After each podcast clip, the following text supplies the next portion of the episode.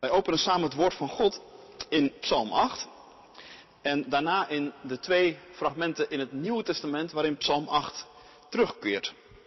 Dat is in het Evangelie, Matthäus 21, rondom de tempelreiniging en in de brief die geschreven wordt aan de Hebreeën uit hoofdstuk 2, vers 5 tot en met 13. Horen wij het woord van God. Voor de koorleider op de wijs van de Gattitische, een psalm van David. Heer onze Heer, hoe machtig is uw naam op heel de aarde. U die aan de hemel uw luister toont, met de stemmen van kinderen en zuigelingen bouwt u een macht op tegen uw vijanden, om hun wraak en verzet te breken. Zie ik de hemel, het werk van uw vingers, de maan en de sterren door u daar bevestigd? Wat is dan de sterveling dat u aan hem denkt? Wat is het mensenkind dat u naar hem omziet? U hebt hem bijna een God gemaakt, hem gekroond met glans en glorie, hem toevertrouwd het werk van uw handen en alles aan zijn voeten gelegd. Schapen, geiten, al het vee en ook de dieren van het veld, de vogels aan de hemel, de vissen in de zee en alles wat trekt over de wegen der zeeën. Heer onze Heer, hoe machtig is uw naam op heel de aarde. Uit het Evangelie Matthäus 21. Toen Jezus Jeruzalem binnenging, raakte de hele stad in rep en roer. Wie is die man, wilde men weten. Uit de menigte werd geantwoord, dat is Jezus, de profeet uit Nazareth in Galilea. Jezus ging de tempel binnen en hij joeg iedereen weg die daar iets kocht of verkocht. Gooide de tafels van de geldwisselaars en de stoelen van de duivenverkopers omver en riep hun toe, er staat geschreven, mijn huis moet een huis van gebed zijn, maar jullie maken er een rovershol van. Toen kwamen er in de tempel blinden en verlamden naar hem toe en hij genas hen. De hoge priesters en de schriftgeleerden zagen welke wonderen hij verrichtte en hoorden de kinderen in de tempel, Hosanna voor de zoon van David, roepen. En ze waren hoogst verontwaardigd. Ze gingen hem vragen, hoort u wat ze zeggen? En Jezus antwoordde hun, jazeker. Hebt u dan nooit gelezen, door de mond van kinderen en zuigelingen hebt u zich een loflied laten zingen? En zo liet hij hen staan. En hij ging de stad uit naar Betanië, waar hij de nacht doorbracht. Uit de brief aan de Hebreeën, hoofdstuk 2 vanaf vers 5. De komende wereld, waarover wij hier spreken, heeft hij niet onder het gezag van engelen gesteld. Veel geldt dit getuigenis, ooit door iemand afgelegd. Wat is de mens dat u aan hem denkt? Het mensenkind dat u naar hem omziet. U hebt hem voor korte tijd lager dan de engelen geplaatst. U hebt hem met eer en luister gekroond. Alles hebt u aan hem onderworpen. Doordat hij alles aan hem onderworpen heeft, rest er niets dat niet onder zijn gezag is gesteld. Dat alles aan hem, aan de mens dus, onderworpen is, zien wij echter nu nog niet. Wel zien we dat Jezus, die voor korte tijd lager dan de engelen geplaatst was, opdat zijn dood door Gods genade iedereen ten goede zou komen, vanwege zijn lijden en dood nu met eer en luister gekroond is. Want om vele kinderen in zijn luister te laten delen, achtte God, voor wie en door wie alles bestaat, het passend de bereider van hun redding door het lijden naar de uiteindelijke volmaaktheid te voeren. Hij die heiligt en zij die geheiligd worden, hebben één en dezelfde oorsprong. En daarom schaamt hij zich er niet voor hen zijn broeders en zusters te noemen. Wanneer hij zegt, ik zal uw naam bekendmaken aan mijn broeders en zusters, u loven in de kring van mijn volk. En zo zegt hij ook, ik zal steeds op Hem vertrouwen. En verder, hier sta ik, met de kinderen die God mij gegeven heeft. Hier eindigt de laatste lezing. In deze zomermaanden lezen we dus een aantal psalmen aansluitend bij de tentoonstelling hier in het, uh, in het Noorderkoor. Van harte uitgenodigd om daar een keer een kijkje te nemen, misschien straks na de dienst of anders op een later moment. De kerk is deze maanden elke dag open. Uh, een van de schilderijen die er tentoongesteld is, is een schilderij over Psalm 8. Vandaar Psalm 8 ook deze middag. Ik heb het uh, plaatje gedeeld in de Jacobi-app voor wie die heeft. En anders dus van harte uitgenodigd om straks een kijkje te nemen. We gaan samen deze psalm door. En zo af en toe refereer ik ook even aan de manier waarop J.D. Noordergraaf deze psalm in beeld heeft gebracht. Gemeente van Christus, broeders en zusters in de kerk of op afstand met ons verbonden.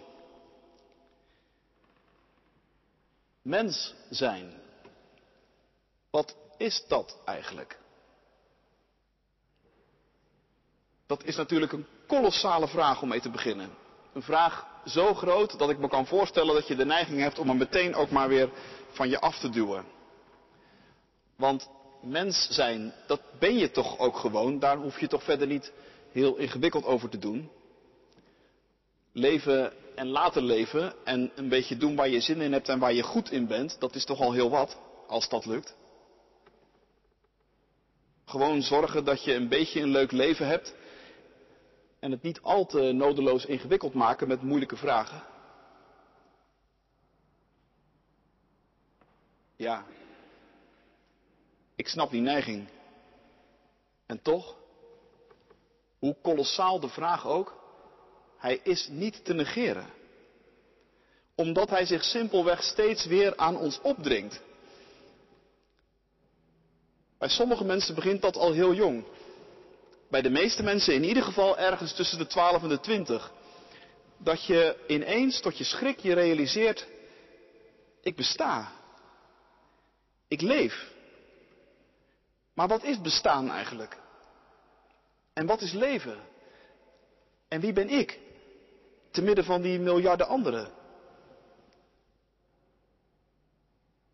Later in je leven dient de vraag zich meestal nog wel een paar keer aan. Vaak rondom sleutelmomenten in het leven. Je krijgt een relatie, of juist niet. Je krijgt een kind, of juist niet.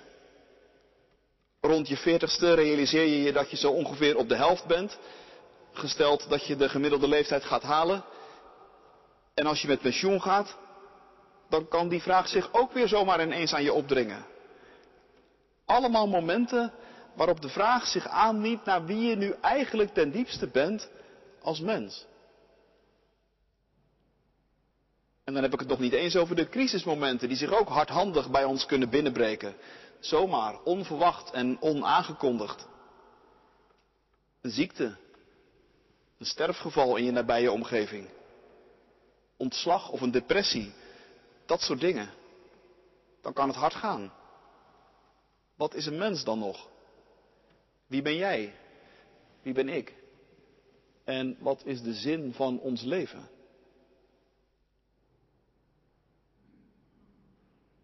Psalm 8 laat ons vanmiddag zien dat we niet de eerste zijn die die vraag stellen.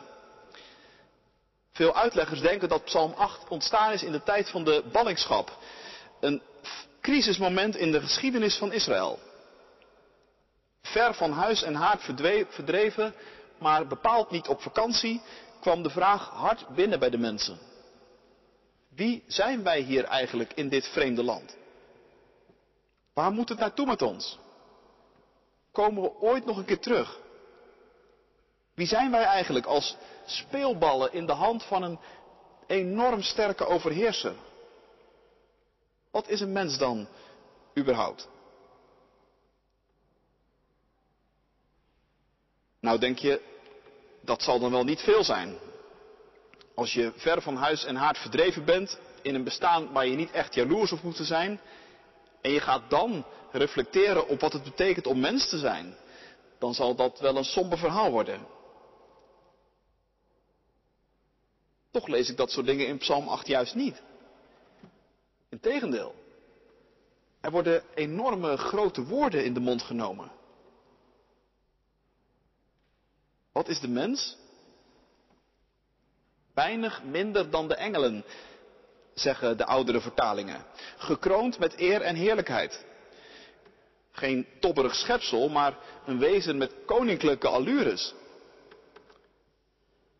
En dat weinig minder dan de engelen is ook nog een beetje zwak uitgedrukt. In de nieuwe Bijbelvertaling lazen we bijna goddelijk gemaakt. Dat is nauwelijks voor te stellen, maar dat staat er wel. Vanwaar dan die andere vertaling, weinig minder dan de engelen? Ik denk eerlijk gezegd dat men heel vroeger dit al bijna te veel van het goede vond. schrijvers van de Septuaginta bijvoorbeeld, dat is die vertaling van het Oude Testament in het Grieks, die maken van deze zin weinig minder dan God, weinig minder dan de engelen. Misschien een kwestie van bescheidenheid.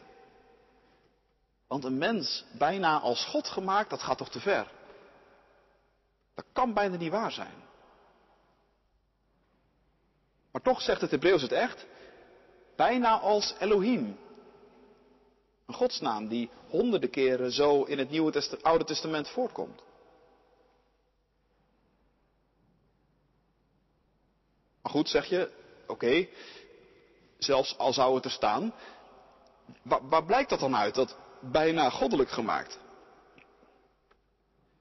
Nou, zegt de psalm, die bijna goddelijke mens is eigenlijk een soort koning. Hij is gekroond met eer en heerlijkheid. Ook alweer van die enorme woorden die meestal worden gebruikt om aan te duiden wie God is. En die gekroonde, bijna goddelijke mens, die, die mag dan ook nog heersen. Die mag macht en gezag uitoefenen. En zich als een echte koning gedragen. De hele schepping ligt aan zijn voeten. En de dichter doet zijn uiterste best om duidelijk te maken dat, dat de hele schepping ook echt de hele schepping is.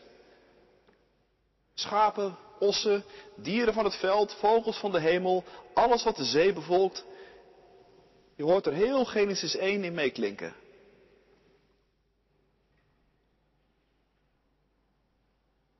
Genesis 1. Dat machtige hoofdstuk over de schepping waarin God zegt, laat ons mensen maken naar ons beeld en naar onze gelijkenis. Laat de mens op ons lijken, zegt God, over bijna goddelijk gesproken. En laat die mens dan heersen over de vissen van de zee en de vogels van de hemel en het vee en al het kruipende dier, gedierte wat op de aarde kruipt. Verderop in Genesis lees je het weer. God zegende de mens en God zei tegen hen, wees vruchtbaar, vermenigvuldig je, vervul de aarde en, daar heb je het, heers over haar. Heb heerschappij over vissen, vogels, enzovoort, enzovoort. Dus wat is een mens? Psalm 8 zegt, met Genesis 1 in de rug, een hoogwaardigheidsbekleder. Een schipper naast God.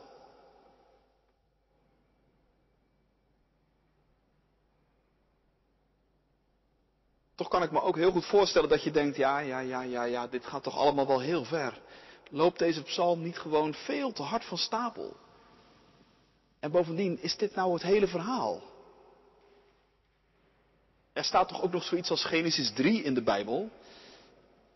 Bij mensen, hoogwaardigheidsbekleders, heersers. Ik ken wel mensen die zich zo gedragen, maar die staan me juist enorm tegen. Heersen gaat toch bijna altijd ten koste van anderen. En zelfs al zou het waar zijn dat je als mens ten diepste een heerser bent, Moeten we dan niet ook gewoon heel eerlijk zijn en ons ook oprecht afvragen wat er van dat heersen terechtgekomen is? Hoe vaak is ons heersen niet een synoniem voor overheersen geworden? De schapen en de ossen, dat zijn productiemiddelen geworden. De zeeën, die vissen we leeg, want daar kun je geld mee maken.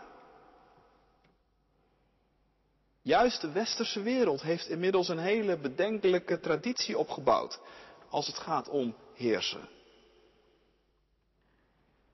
Heersen is uitbuiten geworden. Dieren, grondstoffen, mensen. En we doen er allemaal mee. Ook al weet je diep in je hart dat het eigenlijk anders zou moeten. En zelfs al zou je het anders willen, dan lukt het bijna niet. Want we zitten nu eenmaal in een systeem met elkaar waar je niet zomaar een klein stukje uit kunt trekken. En de problemen dienen zich in onze tijd alsmaar luidruchtiger aan. Onze kroon, las ik ergens, onze kroon te mogen heersen naast God, is bezig om een kruis te worden.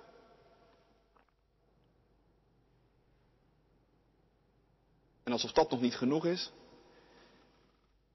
dat vierde vers over die hemel, de maan, de sterren. Dat is het moment dat J.D. Noordegraaf heeft geprobeerd te vangen in zijn, zijn weergave van Psalm 8. Als je naar het werk kijkt, dan kunnen er verschillende dingen met je gebeuren, merkte ik. Je kunt al kijkend onder de indruk raken van Gods grootheid. Maar je kunt al kijkend ook steeds meer in verwarring raken. Want als ik naar de sterren kijk, dan voel ik me alleen maar kleiner en kleiner worden. Een nietig mensje op een immense aarde. Ik zit ergens tussen de telescoop en de microscoop en ik vraag me af of het wel verschil maakt dat ik er ben. Zoveel miljarden mensen op deze wereld. Je bent toch gewoon één van de velen? Een nummer, een algoritme. En nummers worden niet gemist. Blaise Pascal zei het al, bijna 400 jaar geleden. De stilte van de eindeloze ruimte vervult me met angst. En daarmee gaf hij woorden aan een, aan een aardschok in het levensbesef van mensen in de 17e eeuw. Tot die tijd werd het heelal min of meer als bezield beleefd. De oude Grieken en ook onze middeleeuwse voorouders in Europa meenden dat ze in die stilte een, een volmaakte muziek hoorden, een harmonie der sferen. Zo prachtig en volmaakt als de planeten hun banen draaiden, dat moest wel verwijzen naar de meest zuivere muziek. En in plaats van naar buiten hadden zij het idee dat ze juist naar binnen keken. Iedere ster was een gaatje in een dik gordijn, waardoor je iets van de stralen van het hemelse licht kon zien. En waardoor je als een soort nieuwsgierig jongetje een glimp kon opvangen van wat zich daar achter die gordijnen in de hemelzalen afspeelde.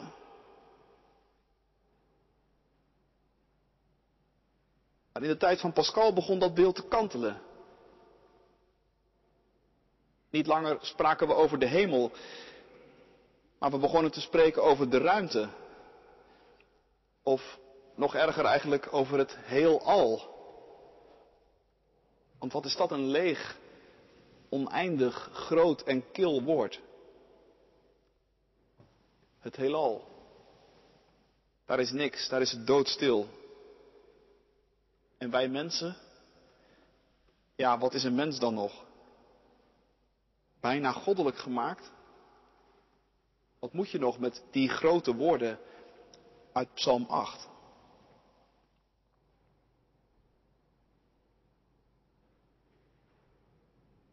Ik denk,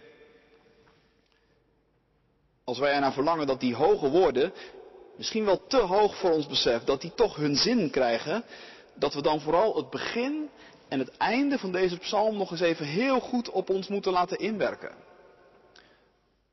Want Psalm 8 lijkt wel één groot en lang loflied op een mens.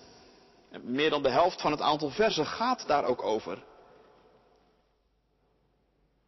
Maar kijk ook eens even naar het begin en naar het einde. Heere, onze Heere, hoe heerlijk is uw naam op de hele aarde. Dat is de inzet. En daar eindigt de psalm ook mee, met precies diezelfde woorden. Heer onze Heer, hoe heerlijk is uw naam op de hele aarde. En dat begin en dat eind is van grote betekenis, ook juist om de rest te begrijpen. Alles wat er verder in deze psalm bezongen wordt, staat dus als het ware ingeklemd tussen twee grote woorden van lofprijzing. En dat is niet omdat dat nu zo eenmaal hoort in een psalm, een soort verplicht refrein. Nee, dat is van grote betekenis. Deze twee versen vormen uiteindelijk de brandpunten en het hele fundament van het lied. Het loflied zet de toon. Heer onze Heer, hoe heerlijk is uw naam. Daar vindt deze psalm zijn rust, zou je kunnen zeggen.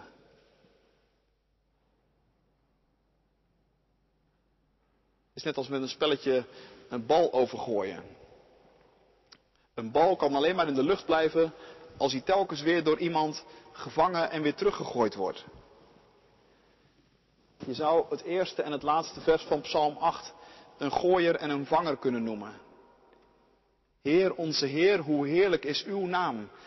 Daar begint het mee, daar eindigt het mee, daar begint het weer mee, daar eindigt het weer mee. En van daaruit ontvouwt zich de rest.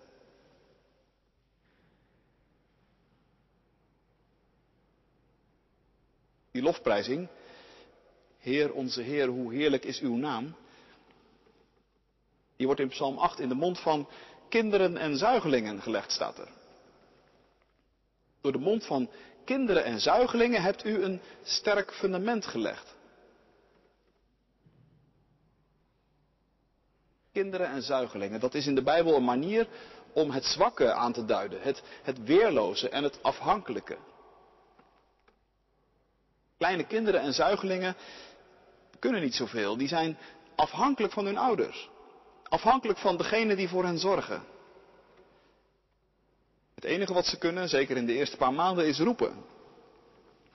Roepen om hulp. Roepen om eten. Maar laat dat nu ook precies zijn waar het om gaat in deze psalm. Om roepen. Om Gods naam aanroepen.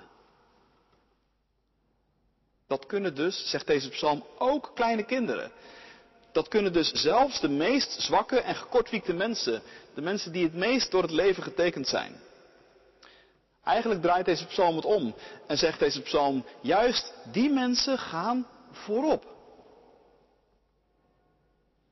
En voor de anderen is het beslissend of ze aansluiten in de stoet. Of we met al die kleine kinderen en zuigelingen, met al die gebutste en gedeukte en kwetsbare afhankelijke mensen gaan meezingen. Heer onze Heer, hoe heerlijk is uw naam.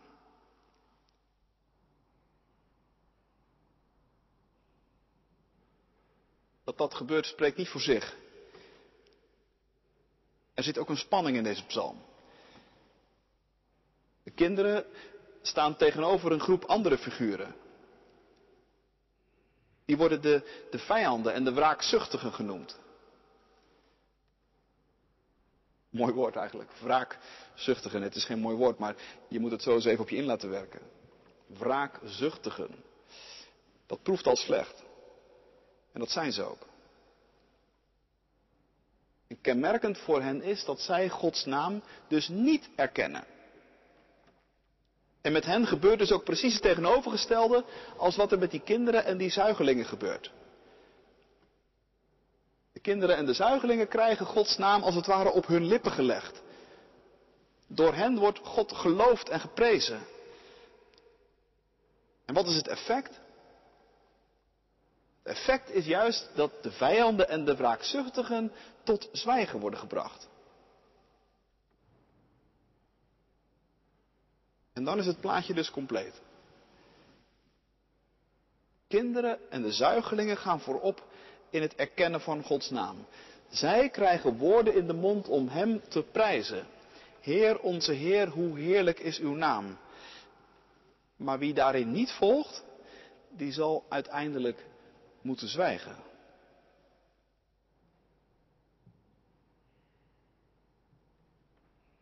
En daarmee komen die grote woorden die deze psalm spreekt over mens zijn, dus langzaam maar zeker in een steeds ander licht te staan. Want de echte heersers, de echte grote mensen, dat zijn niet de meest geslepen politici of de slimste grootverdieners of de hardste schreeuwers.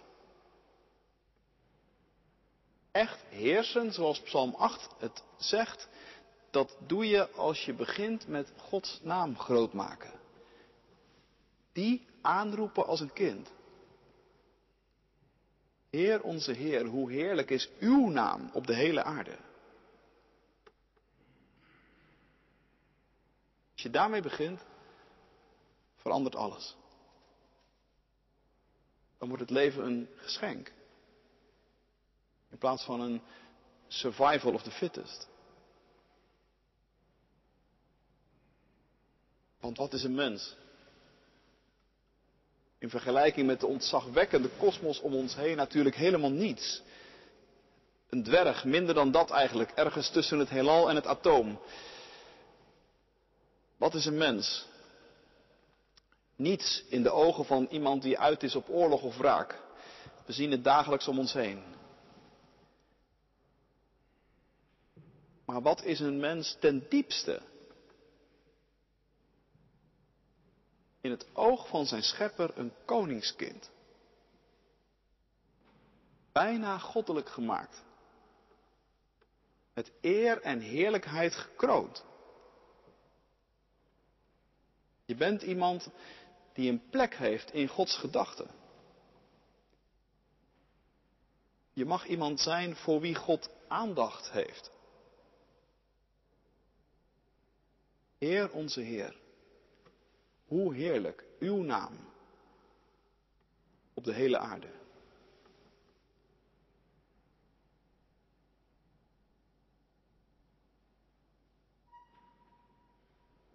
Tot slot. Psalm 8 is een psalm die in het Nieuwe Testament twee keer terugkeert. En het bijzondere is dat daar een soort gelaagdheid in zit. Jezus, we zagen het in het Evangelie, Jezus ziet een deel van deze psalm in vervulling gaan en werkelijkheid worden als hij de tempel schoonveegt. Als er ruimte komt voor de kinderen en als die gaan lopen dansen en springen en roepen, Hosanna voor de zoon van David. Als daar kritiek op komt, dan zegt Jezus, wacht even. Jullie kennen Psalm 8 toch?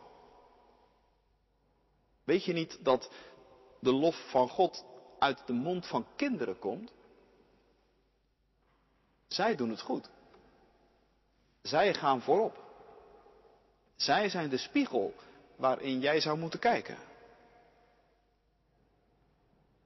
En het gebeurt.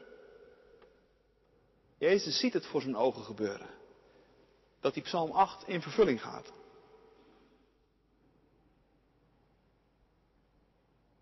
Het schrijver van de Hebreeënbrief die ziet ook nog wat anders.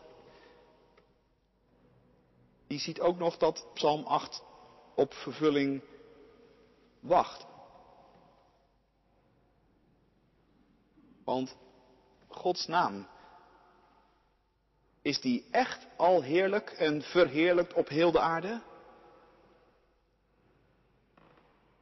En al die vijanden, waar deze psalm profetisch van zegt dat ze op een goed moment zullen moeten zwijgen, zijn die echt al tot zwijgen gebracht?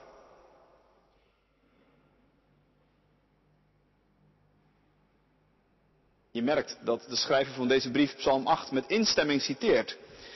En dat hij vooral een streep zet onder het woordje alles. Alle dingen hebt u aan zijn voeten onderworpen, staat er. Zo is het. Maar, zegt hij er achteraan, dat zien we nu nog niet. Met andere woorden, Psalm 8 blijft ook voorlopig nog iets van een visioen houden. Iets van wat nog in het verschiet ligt. Psalm 8 is een profetisch lied over een toestand die ooit zo zal zijn. Iets wat nog in het verschiet ligt. Een plaatje van het koninkrijk van God. Zover is het nog niet, zegt de schrijver. Maar wat zien we wel? Beter gezegd, wie zien we wel? Dat is Jezus. De Zoon van God, op wie de Hebreeënbrief één groot loflied zingt. En wat de schrijver dan doet is fascinerend. Hij legt het leven van Jezus als het ware naast Psalm 8. En dan zegt hij, kijk, daar gebeurde het. Tijdens zijn leven op aarde was hij voor korte tijd minder dan de engelen geworden. Mens geworden, geboren uit de maagd Maria, geleden, gestorven, begraven. Maar Jezus is ook opgestaan. Hij is met eer en heerlijkheid gekroond. En toen hij uit de dood werd opgewekt, is echt alles aan zijn voeten gelegd. Zelfs de dood bleek niet sterk genoeg. Hij is de waarachtige mens waarover Psalm 8 zingt. Hij is als die kinderen uit Psalm 8. Hij heeft Gods naam groot gemaakt. Hij heeft in alles wat hij deed en zegt laten zien, Heer onze Heer, hoe heerlijk is uw naam op heel de aarde. Jezus is de waarachtige mens van Psalm 8 nu al. En jij en ik? Wij worden uitgenodigd om in zijn voetspoor te gaan. Om het spoor van die kinderen en die zuigelingen te volgen.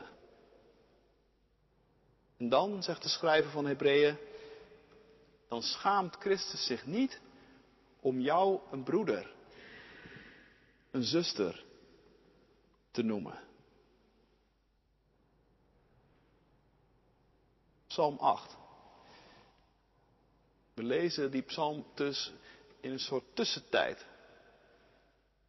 Een spanning tussen wat al gebeurd is in Jezus en wat nog uitstaat te gebeuren. En tot die tijd, tot Jezus terugkomt, blijven we Psalm 8 zingen als een lied van geloof. Blijven we Psalm 8 zingen als een visioen.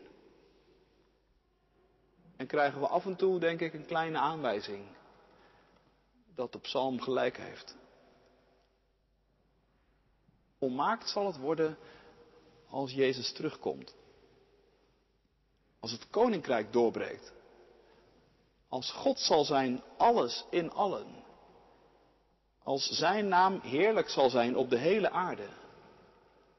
Dan zullen wij weten wat het betekent om echt mens te zijn. Amen.